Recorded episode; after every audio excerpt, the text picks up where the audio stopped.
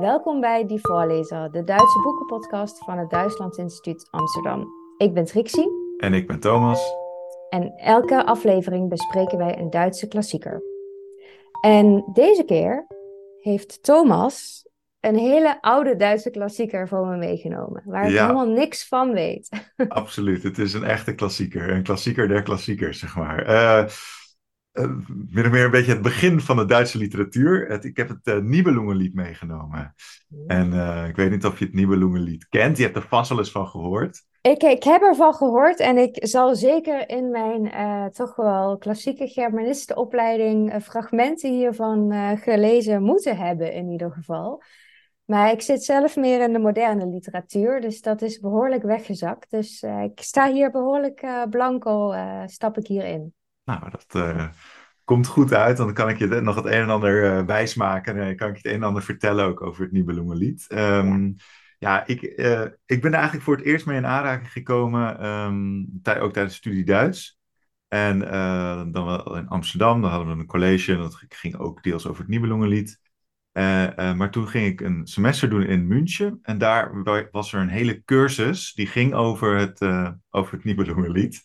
En daar werd ik ja, flink voor de leeuw gegooid eigenlijk.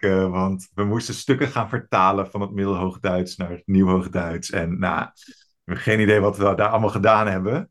Maar daar ja. is wel mijn, mijn grote interesse, of nou, passie wil ik, niet, wil ik het niet noemen, maar wel een grote interesse voor, voor deze, dit boekje, of dit, dit boek, dit lied uh, ontstaan. En, uh, dus uh, dit was jouw Erasmus semester in, het, in München, in Zuid-Duitsland. Ja. En daar had jij een, een van de colleges die je daar hebt gevolgd, ging dus helemaal over het Nibelungenlied. Ja, precies. En maar, voor hoeveel studiepunten was dat? 12. Weet je dat nog? Oké. Okay, dus het ja. was echt een fors college. Ja. Maar goed, waar mijn uh, mede-Erasmus-studenten aan, uh, veel aan het feesten waren, zat ik dus elke woensdagochtend om 8 uur in college om het Nibelungenlied te vertalen. dus uh, ja. met een veel te enthousiaste docent, die ook best wel streng was eigenlijk. Dus als je het niet goed deed, dan hoorde je het ook direct. Maar goed, zij begreep ook niet helemaal wat een Nederlandse student daar deed. En volgens mij vond ze het ook nog wel erg charmant dat ik daar zat. Dus ja. Nibelungenlied. um, dus voor zover mijn ervaring. En maar jij ging toch ook wel af en toe feesten met jouw mede-Erasmus-studenten? Ja, natuurlijk, natuurlijk. Maar niet op dinsdagavond. Want woensdagochtend had ik dit college. Dus uh, ja. Uh, nee, ja, maar goed. Dat was dus een hele mooie ervaring. Even dat uh, terzijde. Het Nibelungenlied. Ja, het begint als het volgt. Um, ik ga even een kort een korte inleiding, uh, inleidend citaat geven. Uh, ook hoe het lied begint. En dan heb je gelijk een idee waar we naartoe gaan. Ik doe het in het Middelhoogduits, zodat je een beetje een feeling krijgt van uh, hoe klonk dat nou eigenlijk. Uns ist in alten Meeren wunders viel geseit, von Helden, Lobberbären, von großer Arbeit, von Freuden, Hochgezieten, von Weinen und von Klagen, von kühnen Recken Stricken, moget ihr nu Wunder hören sagen. Nou, ja. dat, um, dus hier zo begint het en eigenlijk begint het lied hiermee en het vertelt dan ja, in het komende stuk of het komende verhaal wat jullie nu gaan horen, gaan jullie dingen horen over helden, eh, over dappere, um, ja, dus dappere ridders, over feesten en uh, strijd en nou, dat soort het, het, ja, belangrijk ook nog tranen en klagen. Dus een ja. trainen en klagen, zo wordt het ook wel genoemd. En um, dus dat, dat dat aan de ene kant dus die, die helden en aan de andere kant ook dat verdriet, het lijdt wat er ook in zit. En um, dan, dat is eigenlijk een beetje, de, inhoud wordt al uh, wat, nou, niet verklapt, maar wordt al een beetje aangeduid van oké, hier gaan we naartoe.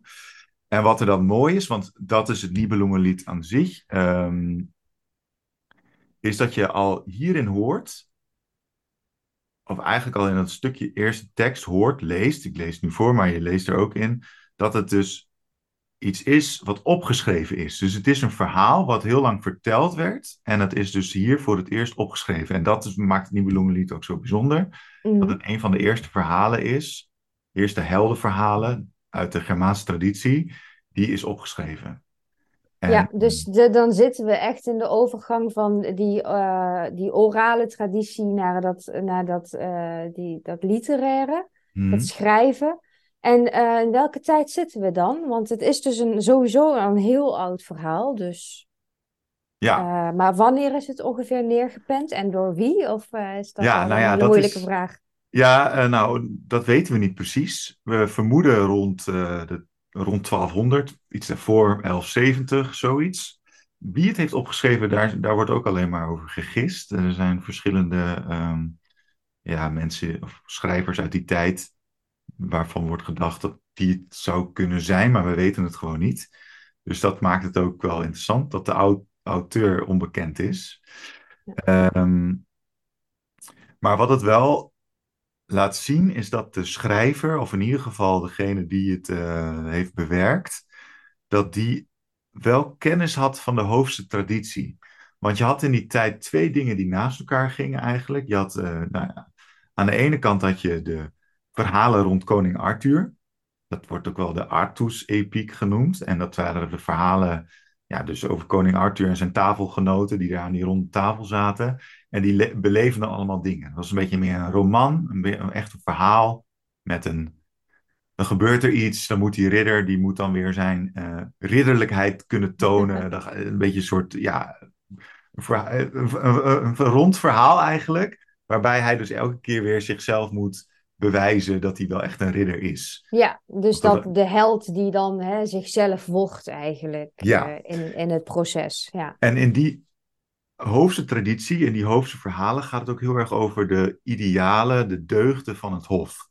En de deugden van het hof, die hangen een beetje tegen de christelijke deugden aan in die tijd. En dat zijn dingen als uh, barmhartigheid, um, gulheid, um, maar ook dingen als dapperheid. Um, nou, zijn allemaal, daar zijn allemaal hele mooie middelhoogduitse termen voor. maar de schrijver van het Nibelungenlied, die kent die begrippen dus ook. Schrijver, degene die het opgeschreven heeft, die kent het ook. Maar het Nibelungenlied is eigenlijk een beetje, komt uit een andere traditie. Het heeft namelijk de, elementen van heldenverhalen. En die heldenverhalen die komen voort uit de Germaanse um, volksverhuizingen eigenlijk. En dat zijn dus verhalen die mond op mond zijn verteld uh, over historische figuren, of in ieder geval lichtelijk gebaseerd op historische figuren. Ja. Um, en die dan elke keer via ja, uh, vertellingen verder kwamen. En um, nou, dus eigenlijk wat we hier zien in een Nibelungenlied is een combinatie van dat hoofdse, die hoofdse idealen, en die Germaanse uh, orale traditie waarbij de verhalen, de heldenverhalen steeds verder werden verteld. Ja, waarbij dus minder die christelijke deugden een rol spelen in die Germaanse volksverhalen, uh, neem ik aan. Ja, precies. Ja, nou ja, ze zitten hier wel in verwoven. Mm Maar daar kom ik, kom ik zo op, want het is ook alweer het Nibelungenlied eigen, dat die, ondanks dat die deugden erin zitten, ze, ondanks dat die deugden genoemd worden, ze niet nageleefd worden. Dus oh ja, oh, dan wordt het leuk natuurlijk. Ja, ja precies. En ehm, even voor, uh, voor de luisteraars misschien ook, uh, hoeveel bladzijden heeft het? Oeh, ja, nou, ik heb hier een, een klein boekje liggen van, oh, klein, van de reclame. En ja. dat is ehm, met alle, ja, ik denk toch wel richting de 700 bladzijden. Jeetje, maar ja, wat daar ja uh, zo aan is, is dat het uh, aan de ene kant staat het Middelhoogduits en aan de andere kant het Nieuwhoogduits of het Hoogduits. Ja. ja. De twee uh, talen naast elkaar eigenlijk. Dus 700 bladzijden en het is opgebouwd in avonturen. En avonturen, dat kun je denk ik vertalen als een soort avontuur of eigenlijk een soort hoofdstuk. En die hoofdstukken hebben allemaal een eigen thema. En het begint met het thema um, Kriemhild und der Wormser Hof. Nou, dat noem ik al een, van de figuren die een belangrijke rol speelt. Maar zo begint dus ook de eerste avonturen. Het is volgens mij opgebouwd in 29 avonturen. En het, um, als, oh nee, meer zelfs nog, sorry. 39 avonturen. En um, dat zijn dus eigenlijk 39 hoofdstukken die het, hele lied omvatten eigenlijk. Ja, en ik heb uh, wel eens gehoord van Siegfried. Dat is ja. uh, het hoofdpersonage of één van de? Of, uh, Eén van de, ja. Okay. En Siegfried die wordt in het begin, um, in het begin wordt hij een beetje gepresenteerd als de held. De held uit Nederland. Dus hij komt uit Nederland. Hij is opgegroeid in Xanten. Oh, ja. En um, nou, die Siegfried die is, die wordt dus gepresenteerd als heel dapper, heel sterk en hij, hij kan heel veel. En um, die, die, die, die hoort op een gegeven moment van een vrouw, een hele mooie, edele maagd. En uh, dat is Kriemhild. En Kriemhild die woont aan het hof in. Uh, dat is in Worms. Worms, dus Bourgundenland. dat is, ja, Worms, dat kennen we nu nog steeds. Dat bestaat nog steeds. En daar woont Kriemhild met haar drie broers. Dat zijn uh, Gunther, Gerno en Giselher. Mhm. En um, nou, Siegfried die hoort van haar en die denkt... ja, ik ben zo sterk, ik kan alles aan. Ik, ga, ik wil die Kriemhild als vrouw. Want ja, dat is de mooiste vrouw van het land. Dus die, die, die wil ik hebben. Daar komt het eigenlijk op neer. Dus wat doet hij? Die gaat daar naartoe en um, die wil eigenlijk... Uh, die komt daar in Worms aan en die zegt... nou, ik wil, ik wil jullie zus als vrouw. En um, ik heb heel veel ridders mee en ik ben uh, bereid er voor haar te vechten. Nou, daar komt het neer. Dus een beetje, hè, dat, dat, dat laat alweer een beetje zien dat die Siegfried, die is dan wel de held van het begin van het verhaal. Maar hij is ook wel die, die, die, die deugden van dapperheid en, en warmhartigheid en zo, gulheid. Die, die, die, die, daar, die beschikt hij ook wel. Mm. Daar beschikt hij over. Maar hoe die daar dan aankomt, dat is totaal niet in traditie met hoe het dan gaat. Je, ga, je gaat niet zomaar naar een hof toe en je zegt van nou, ik wil die vrouw die... Uh, en ik ga, voor, ik ga voor haar vechten met jullie. Ja. Uh, dus dat is dat, daar, daar loopt al een beetje spaak. Maar ja. goed, die, die, die drie broers, die drie koningen in Worms, dus die broers van Kriemhild, ja. die hebben één vazal. Een, uh, waar? Ik denk een beetje aan het feodale systeem, uh, middeleeuwen, een vazal in dienst. Een dienstman wordt het ook wel genoemd.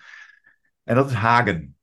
Ja. En Hagen die vertelt uh, Gunther en zijn broers, ja, die Siegfried, daar moet je wel even op letten. Dat is een hele sterke. Want ik heb van verhalen gehoord dat hij met een draak gevochten heeft.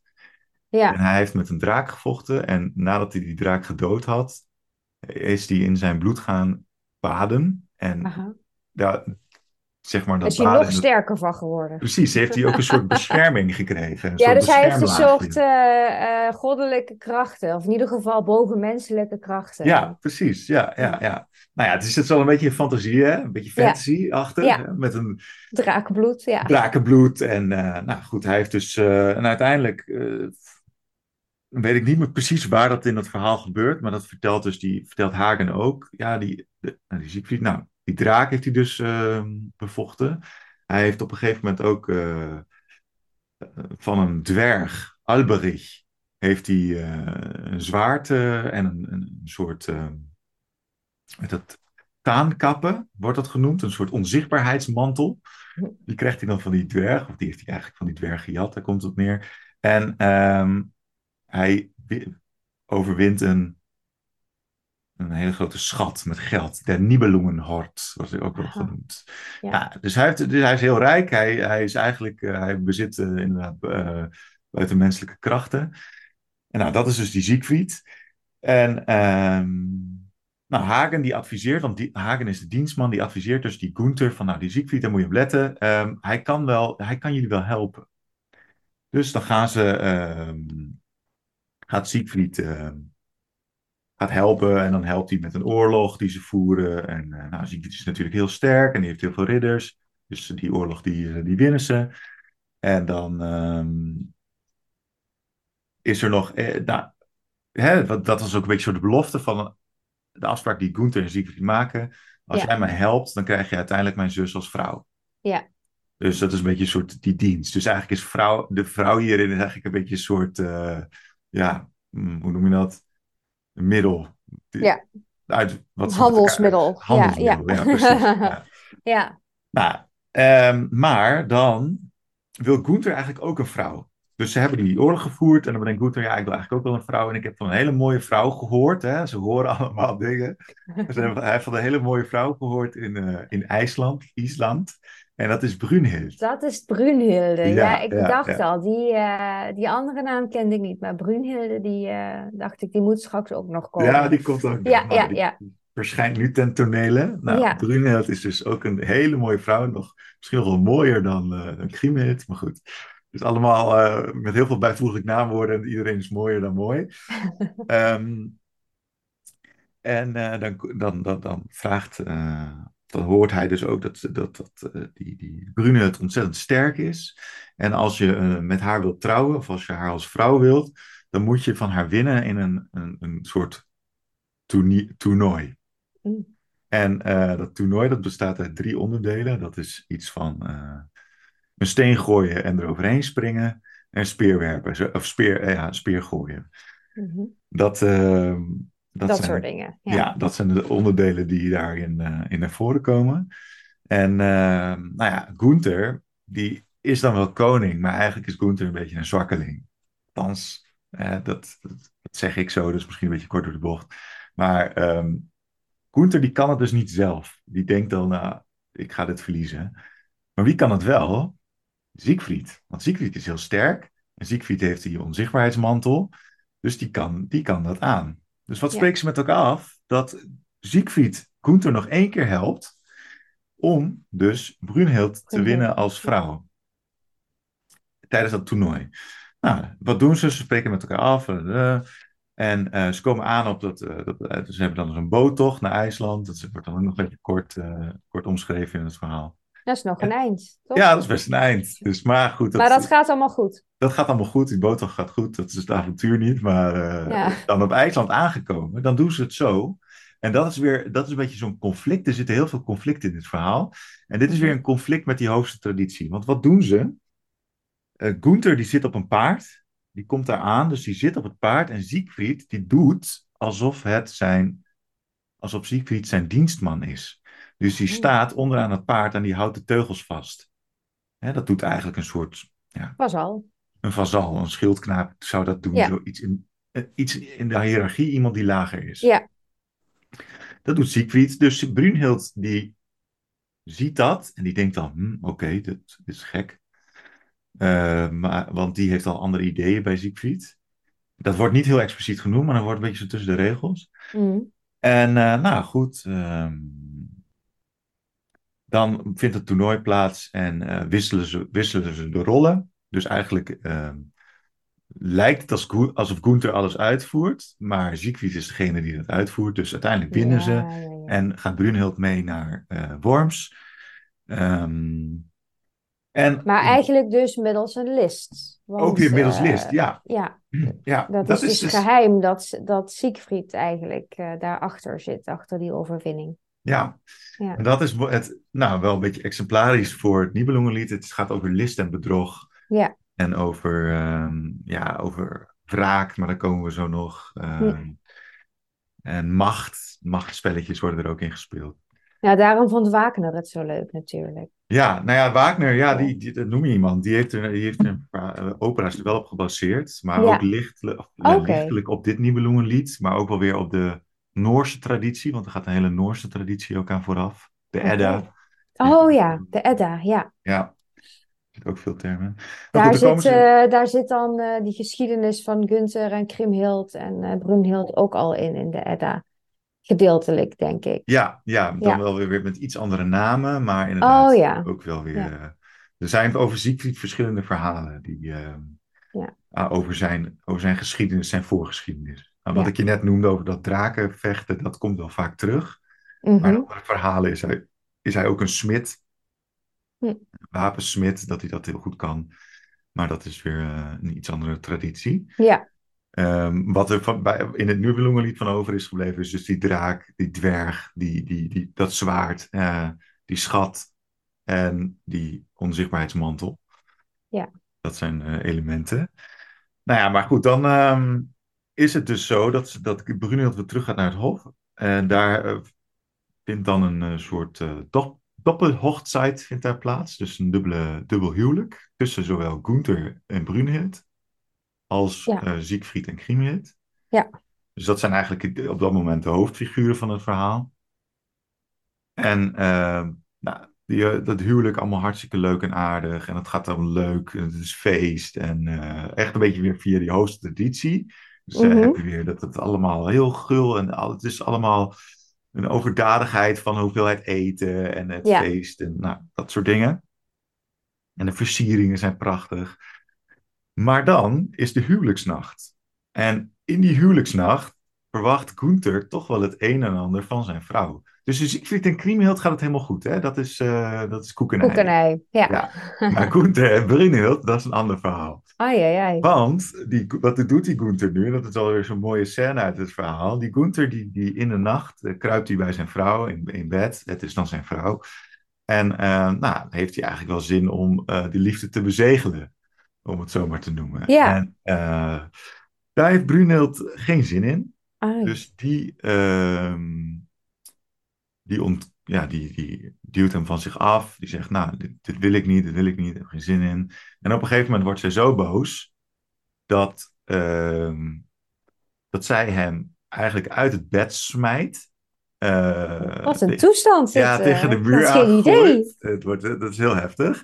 En uiteindelijk brengt hij de nacht door met handen en voeten gebonden aan het plafond. Zo. Ja, dus hij hangt daar aan, aan dus het spijker. Ja, zij had het helemaal gehad met die Ja. opdringerige Gunther. Ja. Precies, precies. Want hij vermoedt al de hele tijd dat hier iets niet klopt. Zij Ja. heeft al van hey, die, die, die hele situatie van dat Siegfried jouw dienstman is, maar je behandelt hem helemaal niet als dienstman, je behandelt hem als gelijke.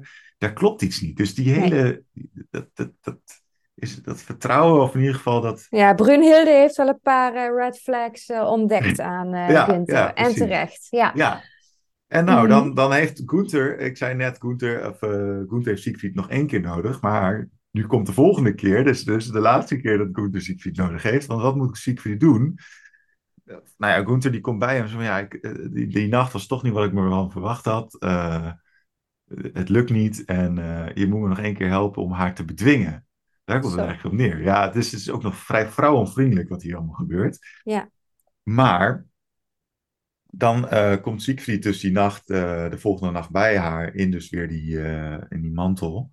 Ja, hoe, hoe dat Ja. allemaal kan, het, het, het, het is een beetje, ja, het, het neigt heel erg richting fantasy. En, Ja, nou, we bewegen gewoon mee. Ja, Maar die mantel en hij is onzichtbaar. Ja, hij is onzichtbaar en hij eh, bedwingt haar dan en eh, zorgt ervoor dat eh Gunther de, zijn daad kan verrichten. En daar komt het eigenlijk op neer. En, Ja. ja.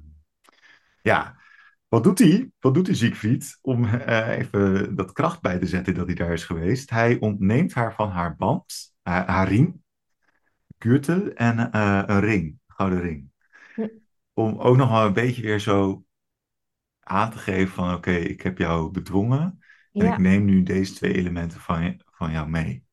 Ja. En dan kan je daar misschien nog weer wat achter zoeken, achter die, achter die riem. Ik denk dat je dat als element van kuisheid en misschien ook wel van maagdelijkheid nog wel weer kan, eh, kan pakken als symbool Ja. daarvan. Maar goed, dat, dat, dat, dat voert een beetje te ver. Eh, voor nu. Mhm.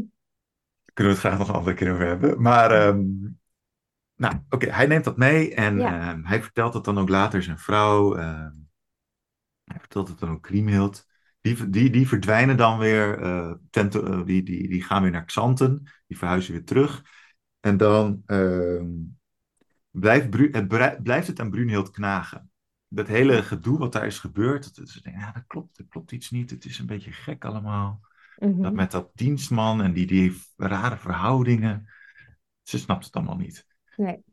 Of ze heeft een, een naar denkt voorgevoel. Ja. Wat doet ze dan? Ze nodigt Siegfried en Kriemhild weer uit naar Worms voor een groot feest. Ja. En dan gaat het helemaal fout. Want ze staan voor de.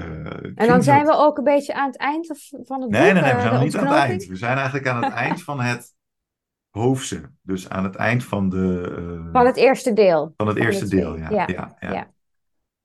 En Oké. ehm, nou, dan staan ze voor de kerk en daar escaleert het helemaal, want uh, Kriemhild en Brunhild komen in gesprek en die krijgen ruzie. En daar laat Kriemhild dus die ring en die band, die riem zien, die Siegfried in die nacht, hè, we zijn nu een paar jaar later, in die nacht heeft meegenomen. Zo. En ehm, daar wordt zij ook uitgescholden, of Kriemhild scheldt Brunhild uit, voor kipse. En dat betekent zoiets als eh gazallenhoer. Nou ja, dat is dus echt Slecht heel... of zo. Ja. Ja, inderdaad. Hier staat het als, eh, Oh. in het Hoogduits is vertaald als nebenvrouw. Dat klinkt Ja. vrij eh, politiek correct. Ja. Maar goed, het is dus echt heel laag wat hier, wat hier gebeurt. En nou, die ruzie die wordt alleen maar erger. En eigenlijk... Ja, maar nu- Kriemhild, die weet natuurlijk ook niet wat er is gebeurd. Die weet niet dat Brunhilde daar onschuldig in is. Dus Nou- zij, of, of wel? Nou ja, eh Siegfried heeft Kriemhild alles verteld. Ah, Dus Ja, ja, ja, ja. ehm, is op de hoogte van alles. En Brunhild, die is nog steeds van de mening dat Kriemhild met een dienstman getrouwd is, dus lager in de rang staat. Ja. En, en, en nou, de directe aanlas is eigenlijk, de directe aanleiding is dat um, Kriemhild laat Brunhild niet voorgaan de kerk in. Oh ja. Ze gaan de kerk in en dan gaat in plaats van Kriemhild, of in plaats van Brunhild zou eigenlijk voor moeten gaan, maar Kriemhild gaat voor. Dus nou, dat is even de reden. Voor, ja, ja, ja, ja.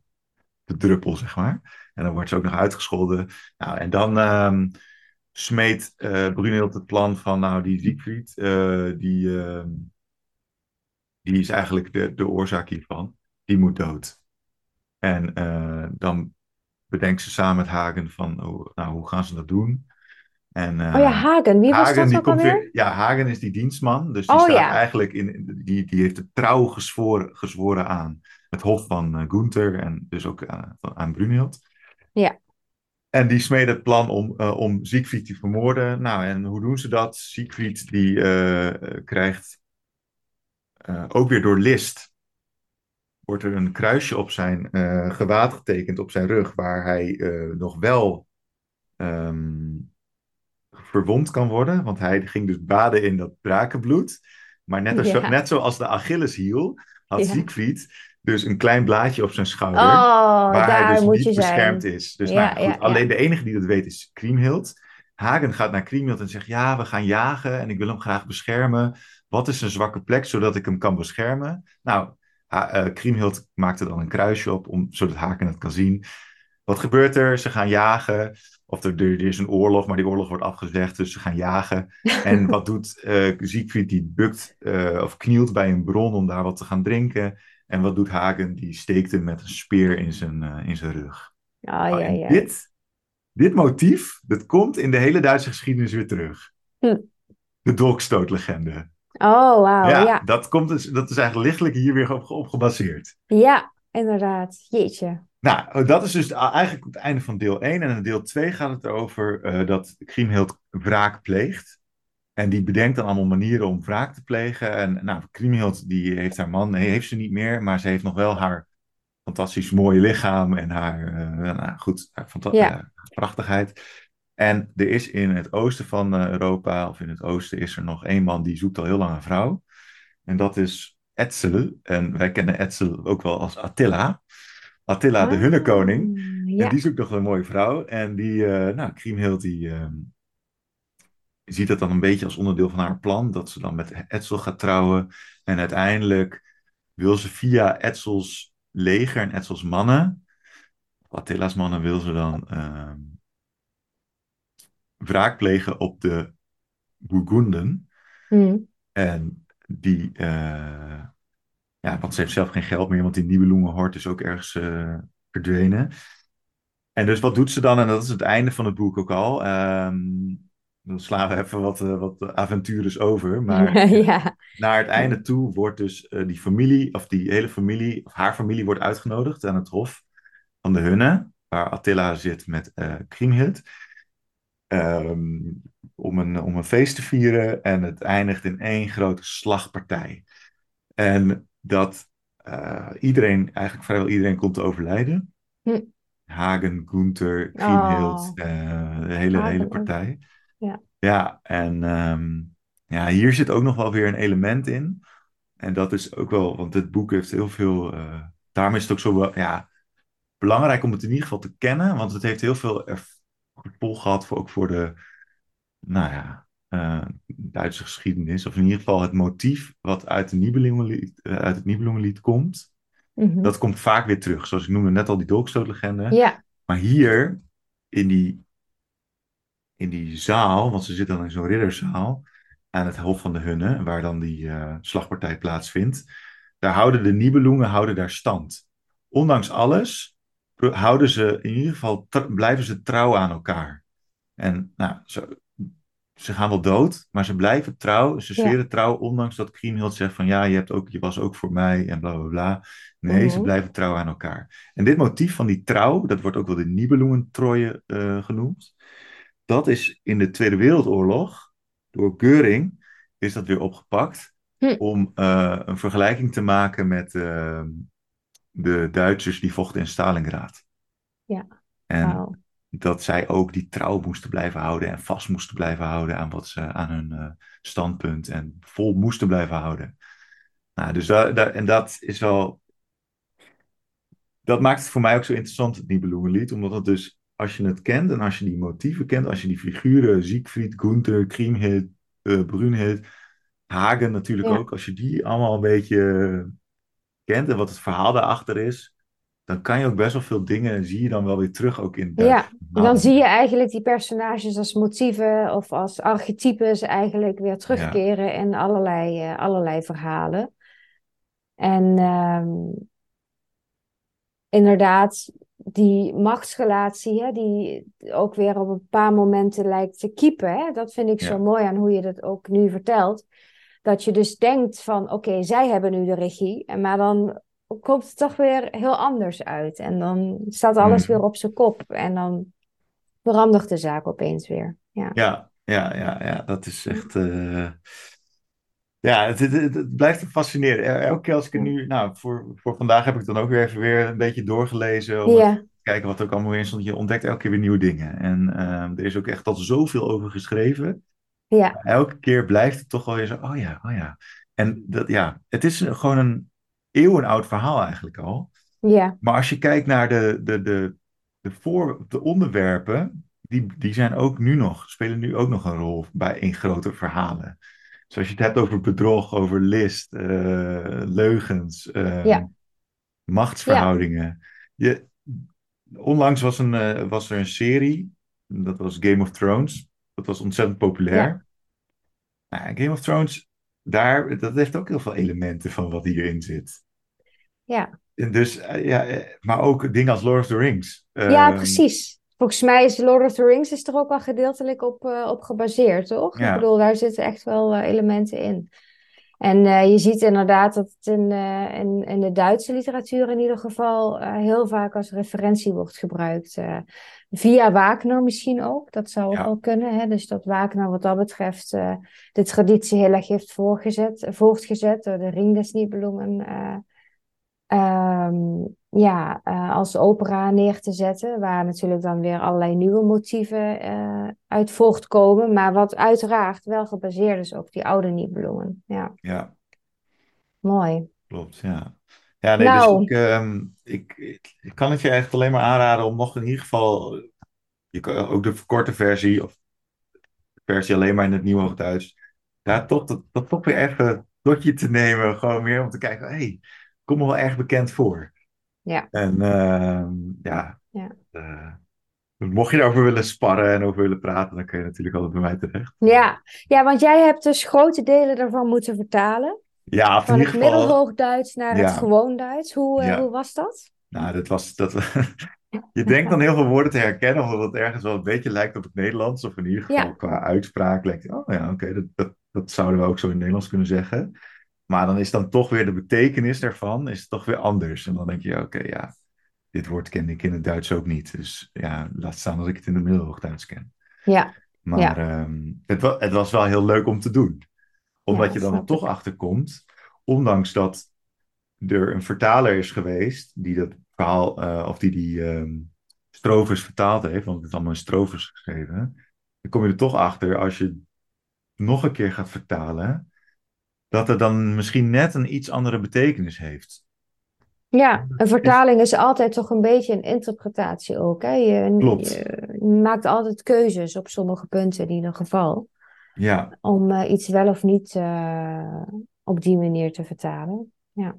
Ja, nee, dus dan, uh, maar ja, dan zie je ook gewoon op, wat ik zeg, die elementen van het hoofdse zie je er weer in terug. Ook in, in bepaalde deugden die worden omschreven. Ja. En, dat, en op een gegeven moment ga je die deugden wel herkennen. Ja. En dan valt je op dat ze dat bijna allemaal hebben, maar niemand komt ze na. Dus dat, uh... Nee, dat wilde ik jou ook nog vragen, want de, de belangrijkste personages zijn dus uh, nou, Siegfried, Gunther, Brunhilde, Krimhilde en Hagen misschien ja. ook, als ik dat zo hoor. Um, wie komt er het beste vanaf? Wie is nou de held of wie heeft er nou een voorbeeldrol? Of hebben ze allemaal hun schaduwzijden? Ja, ze hebben allemaal een schaduwzijde, maar het is een beetje van welke kant je het bekijkt. Want eigenlijk uh, is dat Gunther, ja, die is een beetje een soort figuur, die hoort er dan wel bij, maar die doet zelf niet zo heel veel. Ja. Het is voornamelijk Hagen die hem adviseert. En, en, ja, en hij moet het dus van de kracht van Siegfried hebben op een paar essentiële momenten in zijn leven, ja. Ja, precies. Dus hij bedriegt ook wel, maar hij bedriegt dan Brunhild. Ja. Maar het is, het is vooral Hagen die, ehm, naar mijn idee, laat zien wat, ehm, hoe je als dienstman trouw zweert aan je koning. Ja. En dat hij dat vast blijft houden. Ja. tot, tot in den, den treuren eigenlijk, tot in de dood. En dat is wel iets, uh, dat, dat is wel bijzonder. Ik, ja, je kan van Hagen vinden wat je wil. Hij, nou, hij wordt, uh, daar moet ik nu aan denken. Frits Lang heeft in 1924 een film gemaakt. Mm -hmm. Nibelungenlied. Dat is een film van iets van twee uur. En dat is dan ook een, uh, dat, gebaseerd op het Nibelungenlied. En daar wordt Hagen als een persoon afgebeeld, of als een dienstman die helemaal in het zwart gekleed is. En zo komt hij ook wel vaker volgens mij in, in, in Hmm. schilderijen terug. Maar ja, eigenlijk is. Dus hij wordt een beetje als een soort zwarte ridder gezien. Ja. Maar, ja, dus de, de knecht die eigenlijk stiekem heel veel macht heeft. Of die door Ja. zijn loyaliteit wel degelijk ook een vinger in de pap heeft bij, ja, eh, absoluut. bij Gunther. Ja. Maar wel volgens die hoofdidealen laat zien: oké, ik ben een dienstman en ik zweer, eh, zweer eeuwig trouw aan mijn, eh, ja. mijn heer. ja, hij heeft dat helemaal omarmd. Ja. ja, ja, ja. En, eh, en Siegfried, eh, hoe, wat, is, wat is je oordeel over hem? Siegfried, eh, mijn, oor- mijn oordeel alsof ik, kenner ben. Uh, nou ja, want je, en, aan de ene kant is hij dus wel heel heldhaftig. Ja. En hè, helpt die Gunther dus ook. Maar het klinkt ook wel als iemand die... eh, nou ja, heel braaf is hij ook niet, laat ik het zo Ja. zeggen. ja, eh, een van de eh, deugden is ook gematigdheid. En Oh, Siegfried laat zien met zijn, met zijn eerste actie eigenlijk dat hij niet gematigd is. En Wat ook is die eerste actie ook die alweer? eerste actie is dat hij in Worms komt en zegt: Ik wil Kriemel trouwen. Oh ja, ja, meteen hoog van de toren blazen. Ja, Precies, ja. ja, En dat wordt dan, eh, ja, de, hoog van de toren, dat wordt eh, hoogmoed, wordt dat genoemd. Hoogmoed. eh. Ja. En ehm, wat doet hij nog meer? Ja, die nacht met Brunhild. Dat hij dan die ring steelt en die, die, die band meeneemt, of die riem meeneemt. ja. En dat zijn ook dingen, ja. Dat is, Ja, om, om even te laten merken dat hij hier de regie had of zo. ja, hè? Ja. ja, ja, ja. En, eh, en de vrouwen, Brunhilde, eh, Ehm, lijkt me wel een sympathiek personage zo, eh, tot nu toe, wat ik ervan heb gehoord. Ja, ja die Of hebben de vrouwen, zijn het ook minder uitgewerkte eh, karakters? Ja, nou, Kriemhild is op zich wel uitgewerkt. Brunhild wordt ook in het begin heel erg omschreven als heel erg mooi en, en, ook eh, schoon, eh Ja. schön.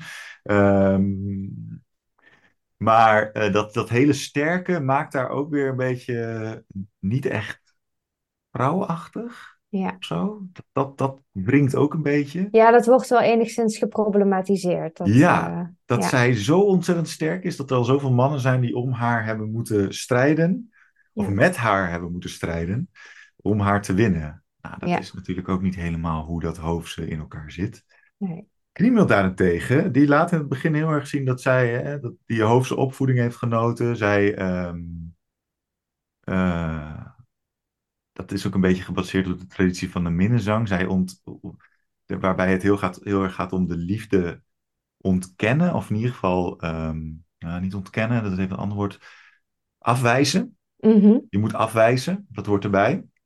En dat doet Ja. ze in het begin ook wel, maar na de hand ook niet echt meer. En Dan natuurlijk, laat je je schaken, zoals dat hoort. Hè? Ja. Dus op een gegeven moment geef je toe. Ja, en Brunhilde is daar dus eigenlijk niet van. Die verzet Nee. zich. eh, die verzet zich daar en dan eh, direct op een tegen. krachtige manier. Ja, ja, ja. ja, ja, ja. Eigenlijk een powervrouw, eh, om het zo maar te noemen. Ja. En, eh en Kriemhild die zit in de eerste instantie in dat hoofdse.